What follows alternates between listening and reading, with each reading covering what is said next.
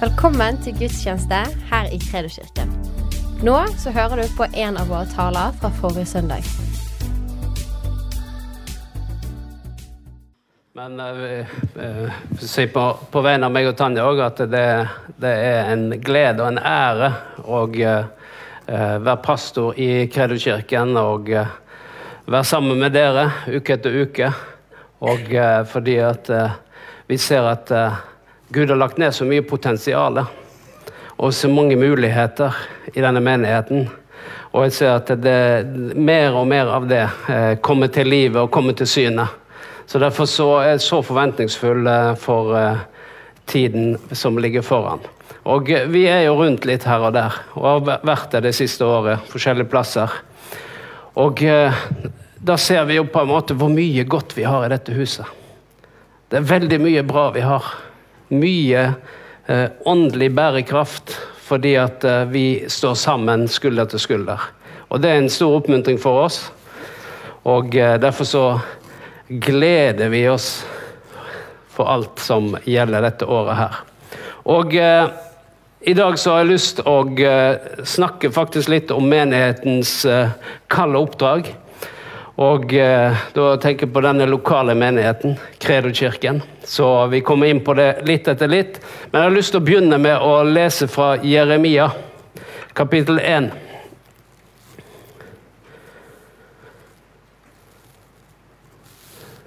Jeremia kapittel 1, og så leser vi fra vers 4 til 9.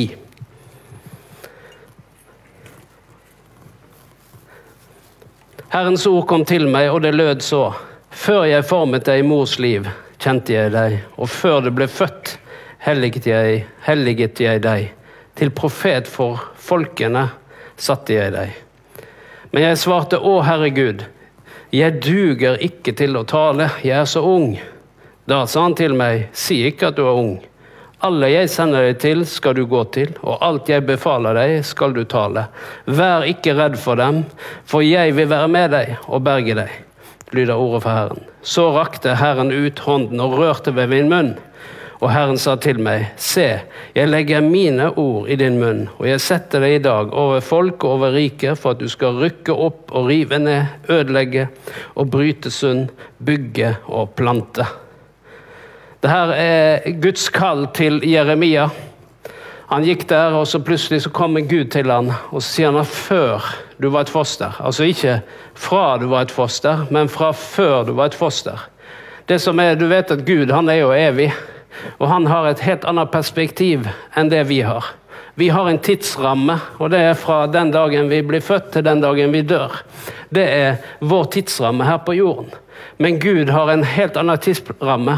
Han, han, er begynnelsen og enden, og derfor så ser han begynnelsen og enden. Så han har en plan, han har et perspektiv. Så når han eh, kaller eh, Jeremia her, så er det fordi at allerede før han ble født, så hadde Gud en plan med Jeremia sitt liv.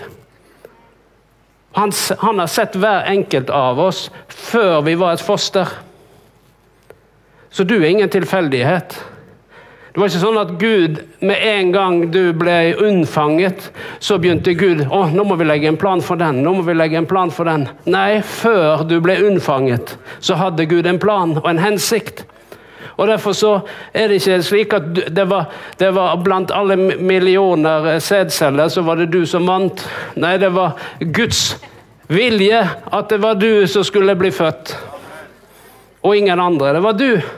Og så la han ned mange gode egenskaper, hensikter, ned i ditt liv. Fordi Gud har en plan, og i hans plan så er vi alle inkludert.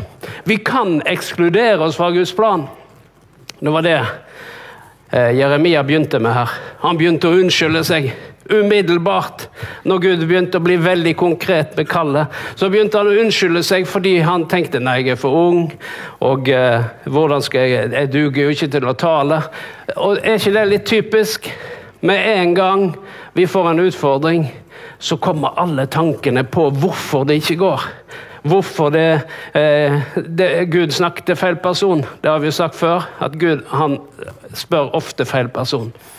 For han er jo Gud, så han tenkte ikke på det når han spurte deg hvorfor. Jo, men det var bare fordi han visste hva han hadde lagt ned i deg. Han visste hvilke egenskaper. Han visste hva du var i stand til når du kobla ditt liv sammen med Guds liv. Og eh, Så derfor så begynte Jeremia slik som mange av oss gjør. Vi ser på utilstrekkelighet. Vi ser på unnskyldninger. Vi ser på eh, årsaker til at det ikke går.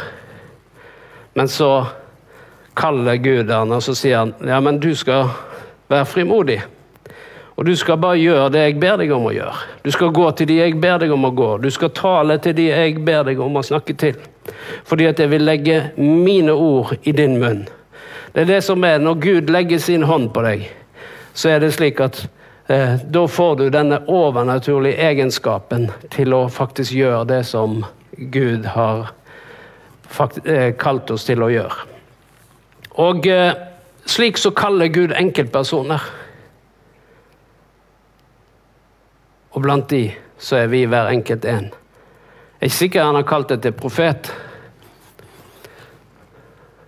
Det kan jo hende. Jeg har uh, hilst på folk som har presentert seg som profet. Jeg var litt usikker på om de var det, da, men uh, de presenterte seg nå som profet. Men, uh, men det som Gud har lagt ned i ditt liv, det er noe som du skal følge. Og Det kan oppstå forskjellig hvordan det er. Noen ganger så begrenser vi dette til at det handler om å ha en, en funksjon i Guds rike. Men det kan òg være en funksjon i samfunnet. Det behøver ikke bare være at du tjener Gud i menigheten, men i tillegg til det så tjener du Gud i samfunnet. På arbeidsplassen, eh, på forskjellige arenaer. Så ikke begrens da Gud til eh, Eh, til kallet til at du må være apostel, profet, hyrde, lærer eller evangelist. Nei, det kan være ulike ting som Gud kaller oss til. Og da har han nedlagt disse ting i vårt liv. Men det er slik at på samme måte som Gud kaller enkeltpersoner, så er det slik at Gud kaller også menigheter. Han gir kall til menigheter. Og eh, I første Korinterbrev så ser vi at eh, Paulus han skriver til menigheten i Korint. Og så sier han det eh, Se på deres kall, brødre, sier han. Altså fokuser på det som er deres kall. Og så sier han at Gud utvalgte det svake. Og igjen så påminner det om at selv om det finnes svakheter og ting som, som ikke fungerer, så er det slik at Gud utvalgte det likevel fordi at vi skulle være avhengig av Gud. Så det at vi er svake og tenker at vi er utilstrekkelighet, ustrekkelige, det er vår styrke. Fordi det motsatte gjør at vi blir stolte. Og så tenker vi ja, men dette fikser vi. Ja, men dette kan vi. Ja, men jeg er jo så dyktig. Men det Gud sier, at han utvalgte seg det som ingenting var. Og hvorfor det betyr det at vi ikke, har, ikke kan være dyktige og ikke har, har, kan være utrusta på forskjellige plan? Nei, det er ikke det det handler om. Det handler om at vi setter vår lit til Herren, og ikke til vår egen styrke, vår egen egenskaper, det vi selv kan få til. Og Derfor så skriver Gud til menigheten i Korint, og så sier han det at eh, at Gud har utvalgt det svake i verden for å gjøre det mektige til skamme. Så Derfor er det slik at vi trenger ikke bevise noe eller prestere noe. Det Gud ber oss om, er å følge Hans plan og Hans vilje med våre liv og våre menigheter. Det er det, det er det eneste han sier. Følg meg, sier Jesus. Det var det alt begynte med når han kalte disiplene, som ble apostlene. Det begynte med at de skulle følge han. Og slik begynner alles vandring. Det begynte ikke med at de var apostler. Det begynte med at de var hans disipler. Og det begynte med at de bare fulgte han. Og når han ba dem om å gjøre ting, så gjorde de det. Fordi de fulgte instruksjonene. De lærte å lytte på sin mester, og så handla de på det. Og samme prinsippet gjelder i dag. Og når han ser at vi følger han, så setter han oss inn i ulike oppgaver. Fordi vi, han ser at vi gir respons til det kallet som han har lagt ned i oss. Og han kalte disiplene, og så istandsatte han dem til den oppgave og det oppdrag som uh, han hadde gitt dem. Og Slik er det òg med, med Gud, at han kaller menigheter til forskjellige oppdrag. Og eh, Vi ser det i apostelens gjerninger, når vi kommer så langt. Så ser vi at eh, eh, det fantes en apostolisk menighet i Jerusalem hvor alle apostlene var samlet. og Der dro de fram og tilbake og ut og inn. Men så leser vi kapittel 13.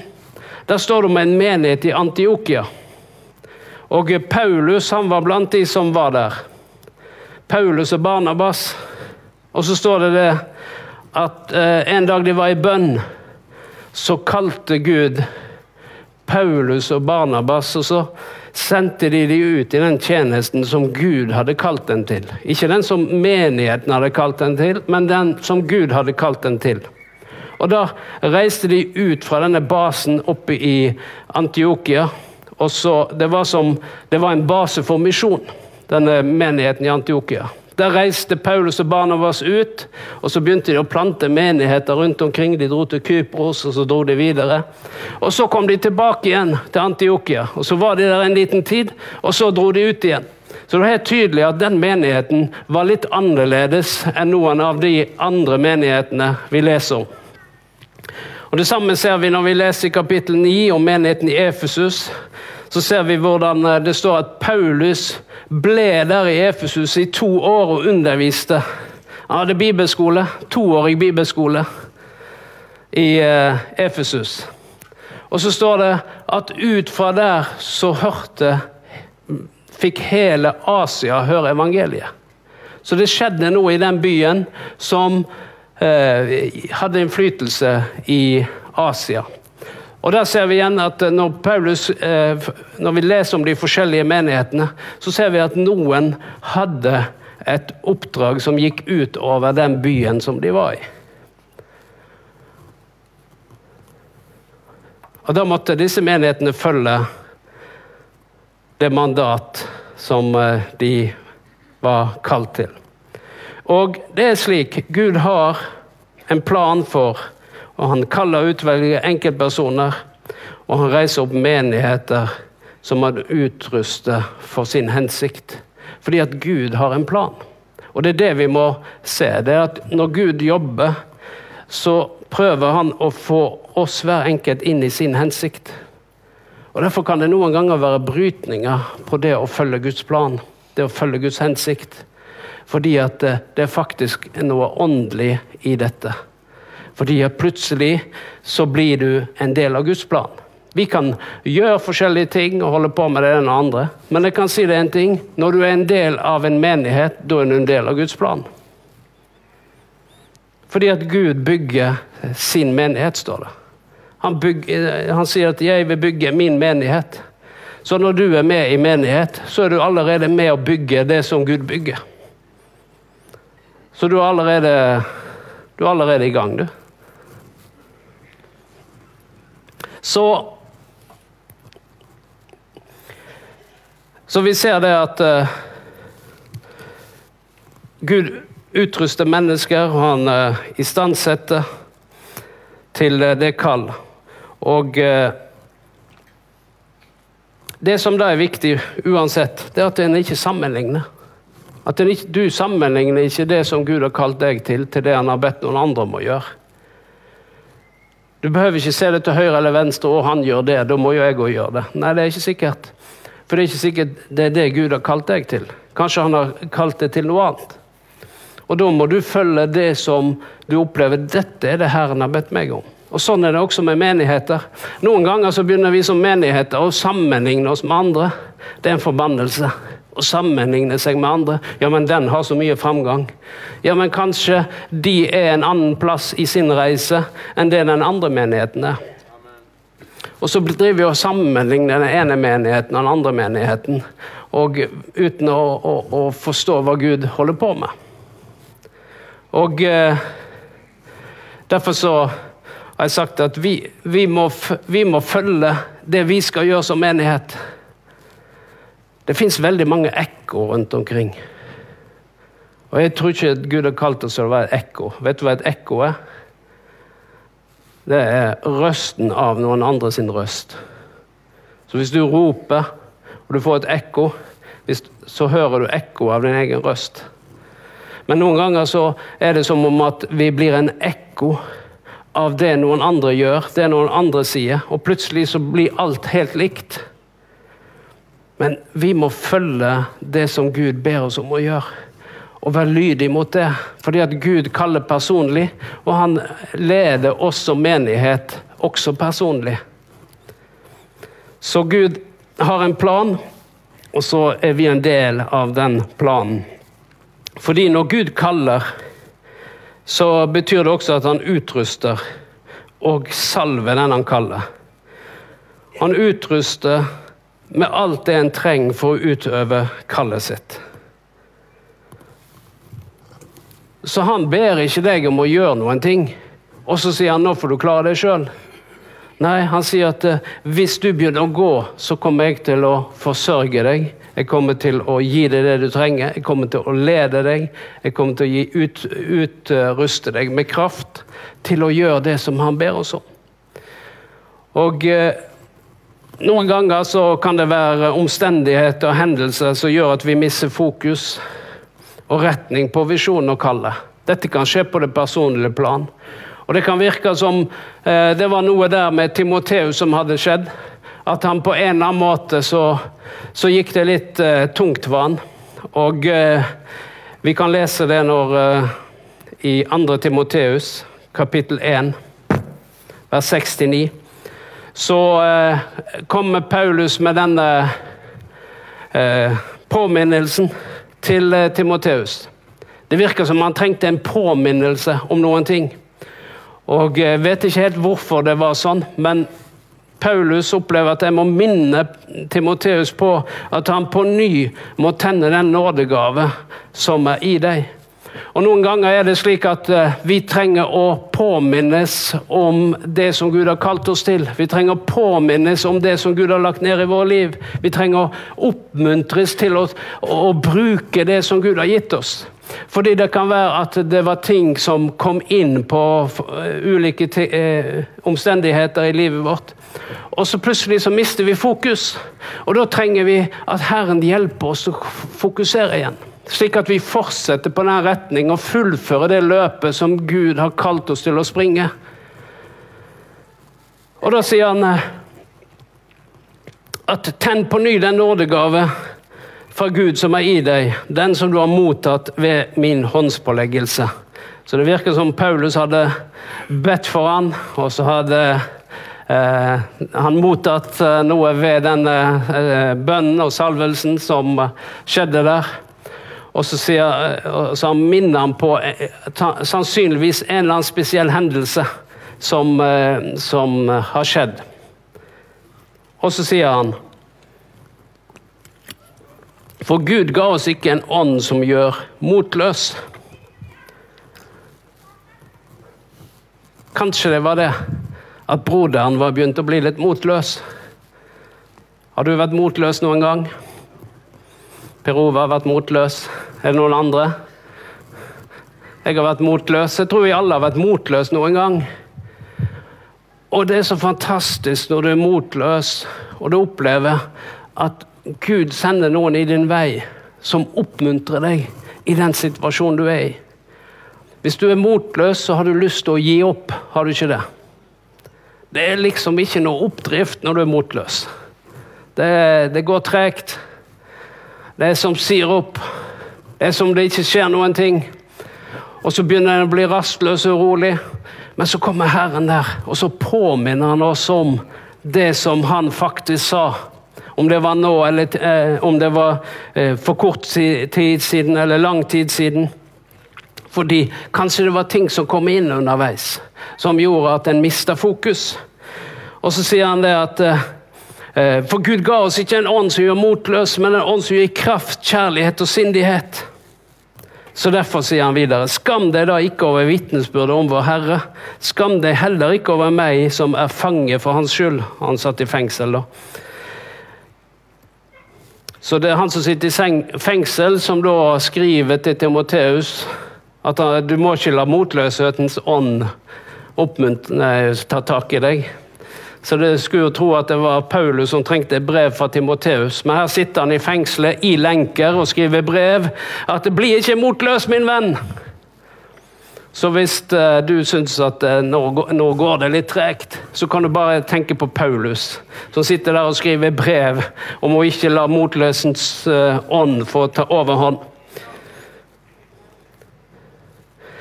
Men lid også du vondt for evangeliet med den kraft Gud gir. Og så står det i vers 9.: Han har frelst oss.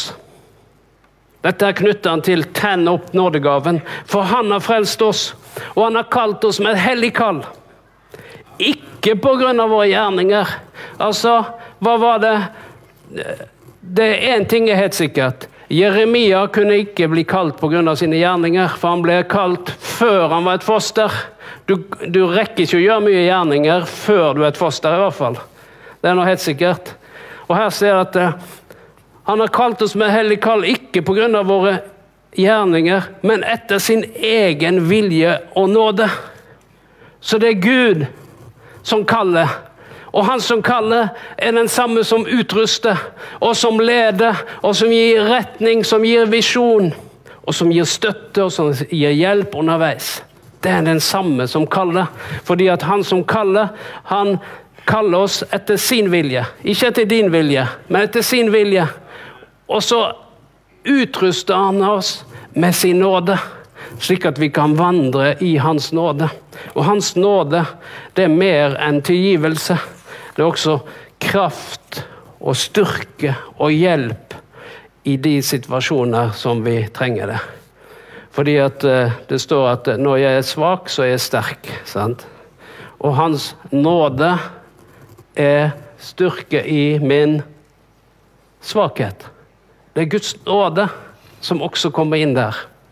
Så Derfor skal vi være frimodige, selv om det er ting i våre liv som stritter imot. Selv om det er ting rundt oss som forstyrrer oss, så er det slik at jeg er ikke kalt etter min vilje. Men jeg, men jeg er kalt med et hellig kall etter hans vilje og etter hans nåde. Og Det er derfor vi er frimodige med å følge Guds kall, med å følge Guds vilje, for å følge Guds vei. Og Det tror jeg også for, eh, for menigheten her. Så er det slik at han har hatt et kall over denne menigheten. Ikke pga. menighetens gjerninger, men pga. hans egen vilje og nåde. Fordi jeg tror han gir oppdrag og kall til menigheter, slik som han også gir til eh, enkeltpersoner. Og Derfor skal ikke vi sammenligne oss. På samme måte som vi ikke skal sammenligne oss med noen andre rent personlig, så skal vi heller ikke gjøre det som menighet. Men vi skal være tro mot det vi opplever Gud har kalt oss til. Og så skal vi følge Guds plan og Guds hensikt med det vi gjør. Og så skal vi være frimodige med det. Vi skal være ekstremt frimodige med det som vi tror vi skal holde på med. Amen.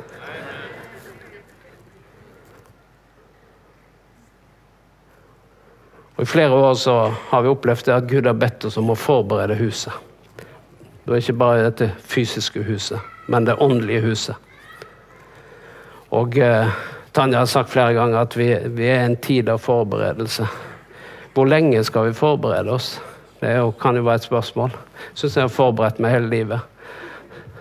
Ja, Når du er ferdig forberedt, så er det bare å forberede seg videre. For det er alltid noe å forberede. I for oss som skal preke, så er det alltid noe å forberede. Men eh, nok om det. Men i hvert fall så er det slik at eh, det fins en tid hvor du forbereder fordi at eh, når ting begynner å skje, så eh, så ligger ting til rette.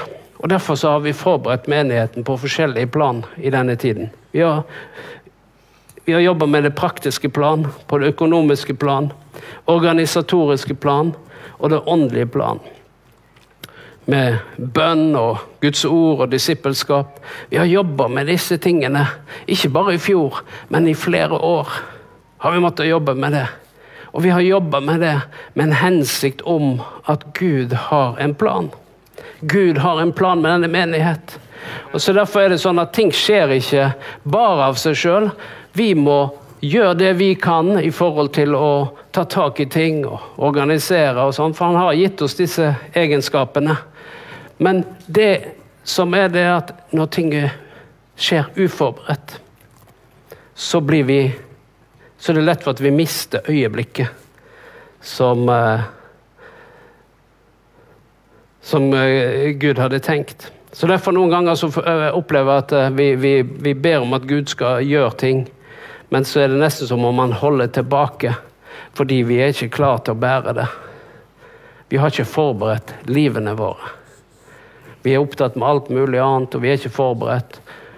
Så det er som om, om, om Gud sier 'ja, jeg kommer, jeg', men er du klar? Er du klar til å ta imot? Er du klar til å bære? Er du, er du villig til å ofre noen ting? Eller er den, den en og en halv timen på søndag det, det, er nok for meg? Det er alt jeg, det er jeg villig til å gi. Jeg gir litt tiende når det passer meg. Nei, jeg kaller, det ikke, jeg kaller det tiende, men det er egentlig almisser. Men jeg kaller det tiende. Bibelen kaller ikke det tiende.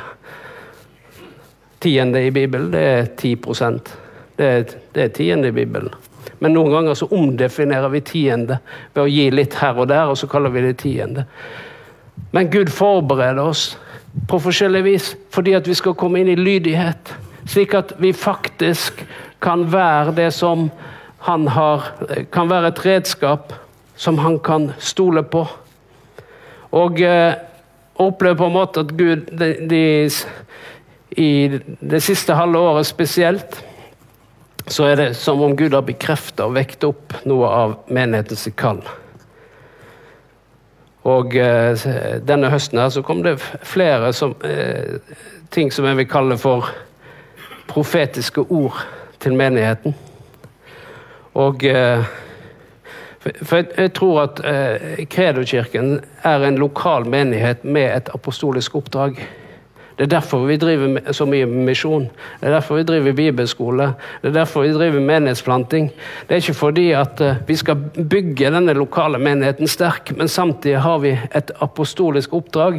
Det betyr at uh, vi skal bety noe for både byen, nasjonen og nasjonene.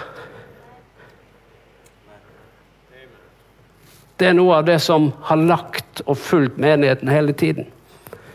Og jeg opplevde for noen år siden så, så eh, Det så ikke så lovende ut når det ordet kom som det gjør nå. Men eh, det er at Herren bryr seg ikke om det.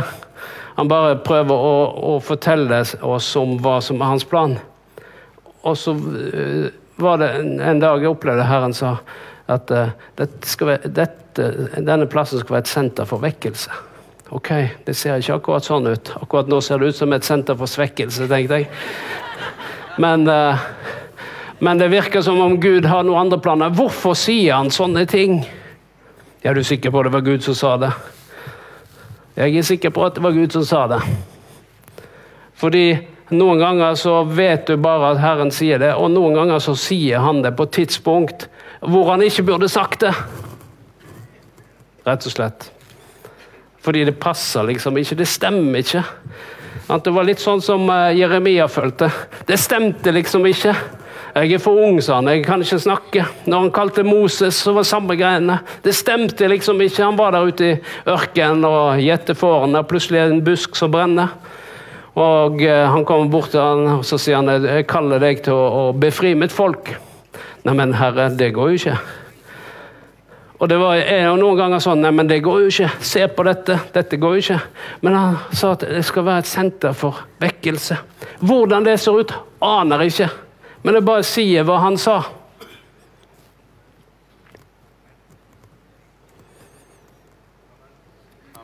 Det var før Norge i dag flytta inn i huset. og Bjarte Ustebø begynte sine sendinger her. Det var før Impact var bibelskole her, og, og, Veien var. Det var før alle disse tingene at han sa det. Det var ingenting av de tingene som vi på en måte står i i dag, som var i funksjon der. Men det er det å forstå at når Gud taler om noen ting, så er det fordi at han har gitt et kall. Og så bekrefter han dette kallet på ulike måter. Og eh, denne høsten, så I september så eh, kom Åge Åleskjær her. Vi hadde jubileum 30 år. Kom Åge Åleskjær her. Og så ser han med en gang eh, Olav ringte, sa han, og spurte om jeg kunne komme. Så fikk jeg et ord, sa han. Så fikk jeg et ord til menigheten. Ikke til Olav, til menigheten, sa han. Fikk jeg et ord til menigheten. Og det var fra Hosea 10,12, sa han. Bryter et nytt land. Bryter et nytt land. Spennende. Og jeg tror det er noe av det som vi har holdt på med i bønnearbeidet. Så har vi brutt nytt land. Fordi det har vært en bønnetjeneste, en bønnefunksjon, som har trykt på og trykt på og trykt på. Og jeg tror at mye av det vi ser i det usynlige, er et resultat av at noen har brutt nytt land i det usynlige. Så bryter en nytt land. Og så gikk det vel bare noen uker, og så reiste meg og Aron til eh, Stjørdal. For de var en gruppe der som gjerne ville at vi skulle hjelpe dem med menighetsplanting. Så nå er vi i gang med menighetsplanting der oppe i Stjørdal. Jeg tror de er 50 stykker allerede. Da var vi vel en ti stykker i, i, et hus. Men det kom liksom i september, samme måned som uh, vi fikk dette ordet 'bryter et nytt land'. I oktober så kom uh, Fred Sapia. Husker du Fred Sapia? Han var her under uh, UNOD-konferansen. Og så, kom, og så, preker han hele formiddagen så snakker han om apostolisk bevegelse. Og jeg opplever dette her er jo et profetisk ord til menigheten om noe av det han har kalt oss til å være en del av. Så hvis du hører den preken, så skal du tenke dette er et ord til menigheten. Er preken til menigheten. Han bekrefter noe av kallet, noe av det oppdraget som vi har fått. Og da, vi, da tenker vi det, det kom måneden etter. Så gikk det en måned til, så kom Ankit Savai her, som kommer tilbake. Og han jeg fikk dette ordet fra Jesaja 54. Utvid teltet. Utvid nedslagsfeltet. Det, står at 'utvid plassen for ditt telt', spenn snorene langt ut. Så hvorfor får vi slike ord? Kan vi jo spørre oss. Jo, jeg tror det er fordi at det, det er knytta til menighetens kall. Jeg tror det er fordi at det bekrefter menighetens oppdrag. Og det oppmuntrer oss til å følge Guds hensikt og plan. Så i desember da for de som var på menighetsmøte i desember, fikk, årsmøte i desember, så fikk de med at vi, vi er blitt trossamfunn. Det har litt med at uh, regelverket i Norge har endra seg litt. Så vi er blitt trossamfunn. Så det knytter til seg flere menigheter. Og i, så skif, nei, i desember så skifter det navn bort til Kongsberg. Så i Kongsberg uh, så heter det nå Kongsberg Først heter det Kongsberg Bibelsenter. Det heter nå Kredokirken i Kongsberg. Så har vi Kredokirken på Stord. Så jobber vi nå med å plante Kredokirken i, i Stjørdal. Så det virker som om Gud holder på med noen ting. Og alle disse tingene har kommet til oss. Så det, det er ikke sånn at vi har sprunget etter noen. Nei, det, vi fikk henvendelser på alle disse eh, sakene her. Og det er som om, om Gud så er spørsmålet skal vi da følge Guds plan. Ja, vi, det er det som kommer til å gi denne menigheten oppdrift. Det er når vi følger Guds plan og Guds hensikt.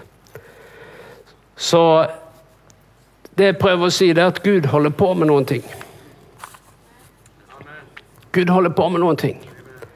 Og jeg tror ikke at det, det var slik at denne menigheten, når den ble etablert, så var det feil. Det var ikke feil. Hvis du lurer på om det var feil at denne menigheten, selv om det var noe som gikk feil. Og det er det vi må skille på. Vi må skille på at noe gikk feil, og at det var feil. Du er jo ikke feil selv om noe i ditt liv gikk feil. Så er ikke du feil, er du det? Ja, nei, da er han feil fordi det gikk noe feil. Nei, det er ikke sånn det er. Fordi at Gud angrer ikke sitt kall og sin utvelgelse. Og sånn gjelder det med våre liv òg. Selv om noe gikk feil, Så det er ikke sånn at ok, da skifter Gud mening, da. Nei, han gjør ikke det. Så, og det var slik når uh, uh, Enevald Flåten han fikk kallet om å dra til Bergen. Så var han lydig mot Guds kall. Og I disse tider så er det mye snakk om levende ord sitt uh, vekst og fall. Ja, det var ting som gikk feil, men det betyr ikke at alt var feil. Og det må vi skille på. Fordi at det var et kall. Gud kalte Enevald Flåten. Og han flytta hit til Bergen. Jeg var med på flyttelasset. Og andre også var med på flyttelasset. Og jeg opplevde ikke at det, det, var feil av meg å flytte til Bergen. Det var det mest riktige jeg hadde kjent på mange år. Det var å flytte til Bergen. Sånn? Fordi at byen har alltid vært Bergen, og laget har alltid vært Yes. Brann. Det var noen som var med. Og vi så at denne menigheten ble etablert fordi at det fantes et kall, et oppdrag, for dette landet. For denne byen. For misjon. Og det har fulgt oss siden den gang. Selv om det var noen brytninger noen år, så ser vi at det er som om Gud løfter fram igjen disse, disse grunnleggende tingene som menigheten ble starta på.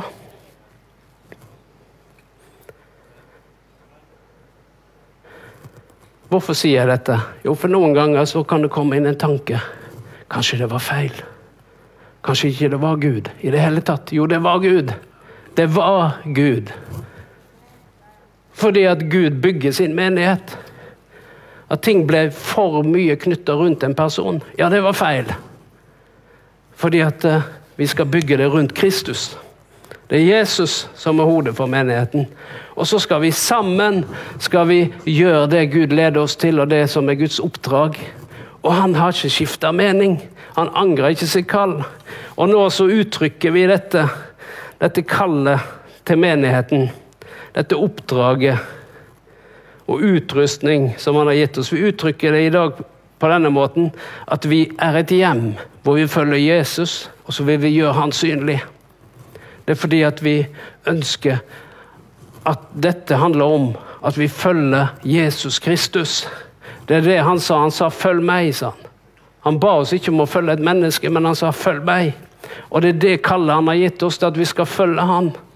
Og skal vi se på Jesus, skal vi gjøre det som han gjorde, og det som han instruerer oss, og det som han eh, underviser oss i sitt ord, så følger vi det, og så istandsetter han oss. Og så begynner vi å gjøre Jesus synlig der vi er, der vi bor, der vi jobber, der vi er på skole, der vi er som menighet. Og noe som eh, vi har, eh, har eh, Vi kan få visjoner på veggen der. Der står det Kredo-kirken. Et hjem hvor vi følger Jesus og gjør, gjør han synlig. Men så har vi noen uh, setninger under der om oppdraget. Da står det at vi skal vinne, tilhøre, utruste og sende. Og det er det som er noe av oppdraget vi har fått som menighet. Det er at vi skal vinne mennesker. Så skal vi tilhøre et hjem. Så skal vi en disippelgjøre, istandsette. Og så skal vi gjøre Jesus synlig der han ber oss om å gå. Og eh, dette er noe av det som han har kalt oss til å gjøre. Og som han igjen har vekt opp for at eh, å på en måte påminne oss om igjen og igjen. Det som egentlig som eh, han sa til Timoteus Tenn på ny den nådegave. Tenn på ny den visjonen. Tenn på ny det oppdrag som du har fått. Det kommer til å se annerledes ut. Så derfor så bør ikke en tenke på det som var. Bør ikke sammenligne med det som er i dag, for det som var for uh, eh, 25 år siden.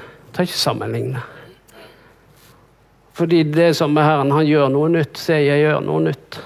Det er slik at når, når Gud kommer, så gjør han ting på sin måte. Og David sa at, han, at, at uh, David han tjente som konge i sin generasjon. Derfor er det sånn at det er ting i de ulike generasjoner som Gud reiser opp for å betjene den generasjonen. Nå er det en ny generasjon som reiser seg. og Derfor vil Gud gjøre ting på en annen måte i dag enn det han gjorde. Men en vil kjenne igjen Guds ånd og Guds ledelse i alt det som er. Så Derfor så er jeg veldig forventningsfull, fordi at jeg ser at eh, Herren holder på med noen ting. Og så kan vi tenke ja, men eh, han utvalgte det som ingenting er. Men det gjør jo ingenting. Han bare spør vil, vil dere si ja til Guds kall. Han spør det til oss personlig, og så spør han til det som oss som menighet, slik at vi Og så tror jeg det, det vil være helt naturlig. Det er ikke noe vi prøver å skape på noen som helst måte. Vi bare gir respons til det som kommer, det som ligger foran oss. Så ser vi hvordan Gud vil eh, virke i dette. Så hvis eh, vi tar og spiller litt her, skal vi be litt sammen.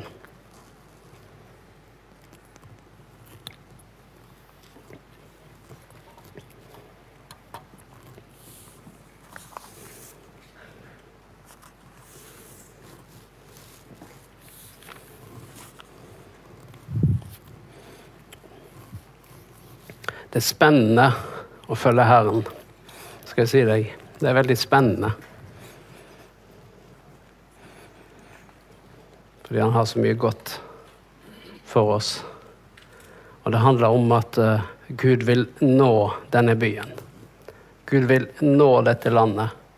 Gud vil nå nasjonene.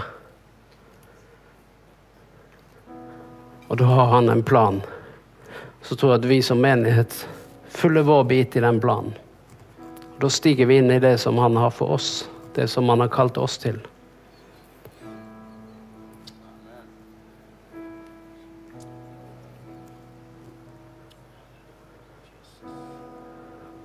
Vi takker deg, Herre. Skal vi ta reise oss? Vi står.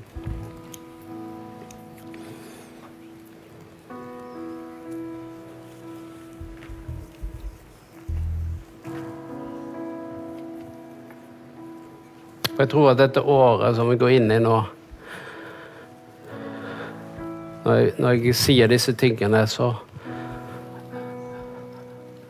Så er det fordi at jeg tror Herren minner oss på det. Han har gjort det flere ganger utover høsten. Derfor vil jeg gjerne starte dette året med de, de tingene som kom til oss denne høsten. For jeg tror det har noe med at vi gir gjensvar til uh, til Guds kall og oppdrag. Og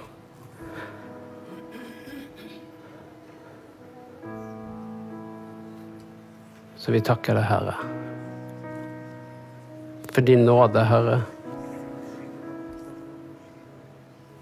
som er over dette hus og denne menighet.